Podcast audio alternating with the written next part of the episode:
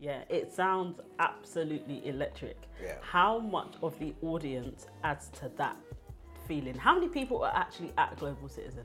Um, she had an audience of, I think it was about twenty thousand. Okay. 20,000 in, in, um, in Black Star Black Star Square. Um, audience makes all the difference. Audience makes all the difference. Like the louder they, the louder they're screaming, the more they sing along, the, the, the more they they really bring the energy to the performance, and I think it helps take the artist's performance level. I think if you go from, imagine them performing like, did a show a day in the life with Wizkid. Yeah. Wizkid was superb, but Wizkid it was in lockdown. Yeah. No audience, so he Yeah, had maybe yeah. um, yeah, maybe he had some of his team, maybe 20 people Yeah. but it's an empty studio. He still performed, like people perform Mm-hmm. Yeah, in it the studio. This is great. But even from going to the studio when I used to go go, go with my brother. Now, if he's in the studio in their booth on his own, still still delivers the bar. If you've got 15 guys in there who are hyping him, all of a sudden Yeah, there's yeah. more energy from him, and he's got. And it's, I think I think I think with, with, with a performance with like something like that, it's the same thing. Mm-hmm. You imagine that square's empty. Okay, now you put 200 people in there. Okay, great. You've got a few people to put. Then you put 10,000 people in there, but you got 20,000 people who are all screaming, and these are all big artists. Like there was not one person they were disappointed to see. Mm. Yeah, like yeah. everybody there, like you, we, we had like Uncle Waffles there, just doing a, just doing a set 20, 25 minutes, not even singing, just just playing music and dancing. They're going crazy, mm. and it's like so when you've got that kind of energy, and you think like someone like Stonebwoy is starting, mm-hmm. someone like that opens up the set, and you've got 10 second. Mm-hmm. And and you, you, you know what I mean, and you're, you're building up. For me, that energy just kind of go goes up like that's what they're there for. So the, Yeah. for me, audience energy is, is massively important. Everything, everything. And in terms of something else that I noticed that you've mentioned about like going with the energy, artists decided to just go with it. Yeah. Um, you probably have a number of like, you mentioned like Usher decided to change the track. Mm-hmm. You probably have a number of change the track moments. How do you? What's the actual response to those change the track moments live at the time? Well, yeah, it's not really live. So often it might be like the day before, or Okay. sometimes you'll find something out on the day in the Okay. morning, like, oh, we're going to switch the order, or sometimes you switch the track. It happens, it happens a lot. Um, for me, goes back to people having a position Mm-hmm. and knowing their roles. So I'll talk to my camera guy and I'll be like, whatever happens, you are Usher's single. Mm-hmm. Whether he, so if he wants to sing something different, that's fine. We're still gonna have his single there. Mm-hmm. I'm gonna be like, you're always if he has an, if he if he has if he brings someone on, you're the person who's gonna do that Okay. every time. Okay. So my camera operator knows, my vision mixer knows, everybody knows. If this happens, th- that's what we're gonna do Yeah. um, you're always going to get me the wide shot. Mm-hmm. So whatever happens, you've got these certain cameras that are going to be fun, and then I'll have a couple that are going to be like, right, you're going to be creative, but you're going to work towards the back of the stage. Mm-hmm. So you're going to be able to get me shots from behind the drums with the foreground. I'm going to mm-hmm. see the crowd. That's going to be your primary role. Yeah, you'll be able to give me other stuff, but that's the default that you could. So Yeah. for me, I ensure that you've, we've got what I call base, so that if something were to happen, like even when he finished his performance, he did something extra Yeah. at the end, which we weren't really sure of, and it, it, it's just and the dancers did, and it was it was amazing. Yeah. Fireworks going off, music started playing again. They, and him and all of the dancers, like Yeah. um, they started doing a great piece, and and, and it, it was re- it was a real it felt like a tribute Yeah. to um, and it was like that wasn't something that I saw that we rehearsed. Mm-hmm. It wasn't something that we'd seen, but we had to go with it. But everyone has a role, so we ensure that we get the co- we've got the coverage of that. We ensure the key the key things, Yeah. and then that's also where I need to be really clear. Okay, like we need to see fireworks. So, uh, so I'm, that's where I'm directing, and, and I'll be specific with cameras.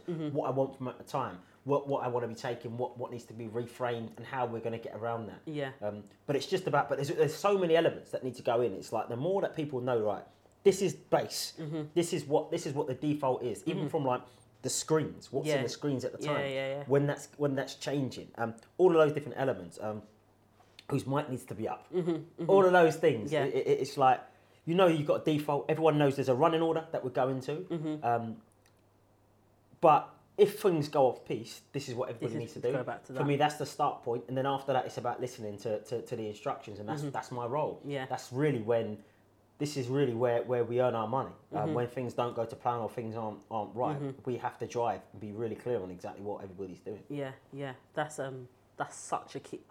Honestly, you must have the mental strength of I don't know what because in those moments, like people frazzle for so much less than that extremity of like what could be chaos. Yeah. But like I think that message as well is like always having a foundation, always having a base, knowing exactly where if all goes left, we come back to here, and ensuring that everybody knows what their here is is so key. For you, when it's all said and done, once the show's finished, once everybody's gone home, once all of that, what for you is like a measurement of success? Like what for you feels like this was successful?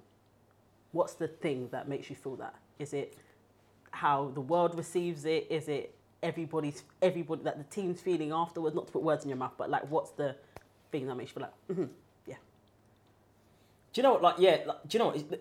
For me, generally, there's two parts to it because Mm-hmm. obviously, like, my career is, I guess it's it's stemmed on people. I guess I guess the powers that be Mm-hmm. liking what I do and deciding I want this person to Mm-hmm. direct my show. So there's an element where that, whoever that might be, whether it's a production company, whether it's an exec, whether it's a broadcaster, Mm-hmm. there's a part of me where they need to be happy with what I've done and how I work. Ultimately, though, I do feel that a lot of that now, more so, which is a good thing, is driven by the audience that it's intended to serve.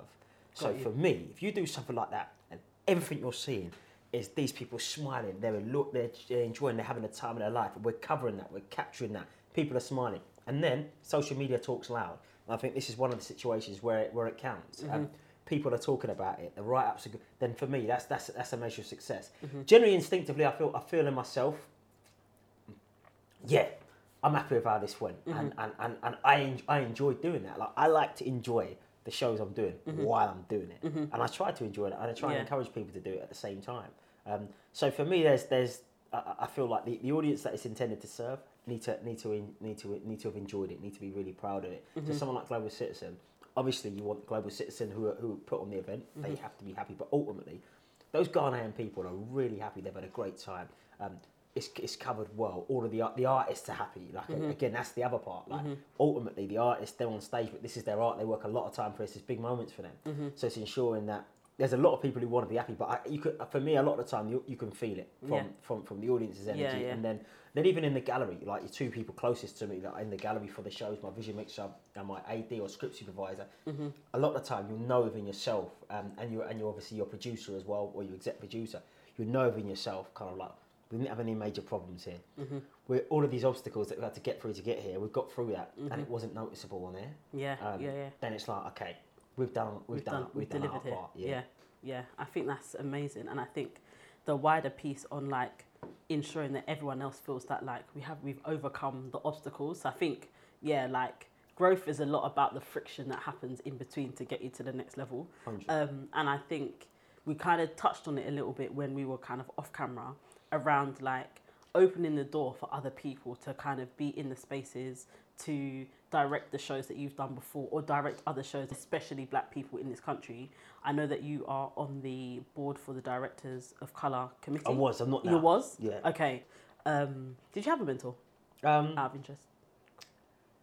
Yes, yeah. So um, I guess mentor. that There's different. There's different. Uh, so uh, I don't know if I ever officially had a mentor. There was a mentorship scheme that I was on, and, I, and Steve Smith, who's a senior director, he was a mentor to me, and he was really kind of like really supportive in my career in terms of breaking into the entertainment space. Um, you won't believe how difficult it is to get into the entertainment space, regardless of how long you've been directing. If you don't know the right people and no one's willing to put you in there, um, a lot of the times, as we say with shows, they're broadcast for a specific commission. There's a specific big budget. Entertainment shows, multi-camera shows are expensive. You got to think you can make a movie cheaply with one camera, and you pick a location, and you, we can make a movie right here, and Yeah. we can do the whole movie in this room, Yeah. and you can have one camera, and it can cost you almost nothing. It can still look good. Mm-hmm. Um, multi-camera is by virtue of first of all you're gonna have lots of cameras, Cameras. then you need Mm. lots of lights. Therefore, you need a studio space with a c- controlled environment. You need lots of people, lots of so it's expensive. So a lot of the time when it comes to a director, they need to put someone in, or they want to put someone in. They feel they have to put someone in who they know. Yeah. Um, and if you're not that person, and even if they know you, they need to know that you've absolutely done the work. And even if they've seen you've done something like it, there's always hesitancy if you've not done exactly that with them. Yeah. Um, so um, Steve Smith was, was fundamental in helping break that barrier for me personally, um, in terms of bringing me on some of his shows, um, getting me to take over on days that he couldn't do it, or um, even sometimes if he could do it, say, listen, I'm going to do half the series, Jan's going to do the other half. Yeah. That's the deal. Um, and that really kind of like helped helped me kind of like build some relationships, give people an opportunity to see that I can work in these environments. Um, and also give me the confidence because there's a huge difference between thinking you could do something and, knowing actually- you can do yeah, it, yeah, yeah, having done it. Yeah, yeah. And um, and yeah, so, so I'd say Steve was a mentor. Um, alongside that, you had, you had other. Um, I, I'd say like, yeah, like like. There's, there, there are other people who I also. Oh, I always knock this mic off. There are other people who I've also. I wouldn't say necessarily mentor, but people who are experienced, who I've kind of like had as more like friends, but like experienced friends who have helped support. Mm-hmm.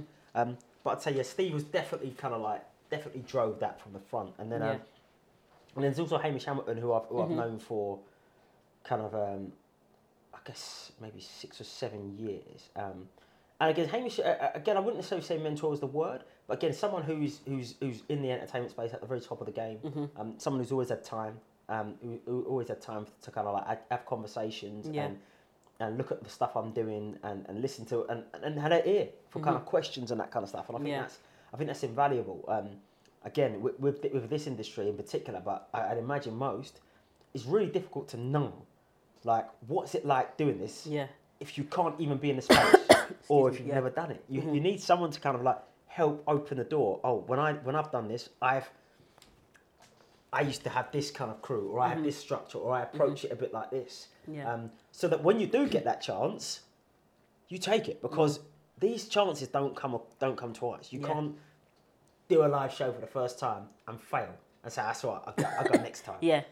you've, got, you've got you've got you've got to deliver the first Mm. time. So you, it's important that you've got those people around you um, who can who can advise and maybe sometimes suggest crew and that kind of stuff Mm-hmm. um, who have done it before. And that's why I feel like even conversations like this super important. Like for me, I didn't have this. Yeah. So yeah. when I was trying to get in, I couldn't sit down and watch a podcast somebody- and say, ah, so this Yeah, is how yeah. it was done. This is who we spoke. This is how it was done. This is how we approached it. This let me try and apply some of that. I didn't have that. Mm-hmm, So for me, um, and even now, I don't see a lot of it in multi-camera directing world. yeah. Yeah. Um, so yeah, I think I just think it's important for, It's for particularly important. communities where you don't have loads of connects on the inside. Yeah. And you can say, I'll, I'll talk to my friend, my cousin, my uncle. Um, Yeah. yeah. just that there's, there's there's places people can have some sort of a opportunity. Mm.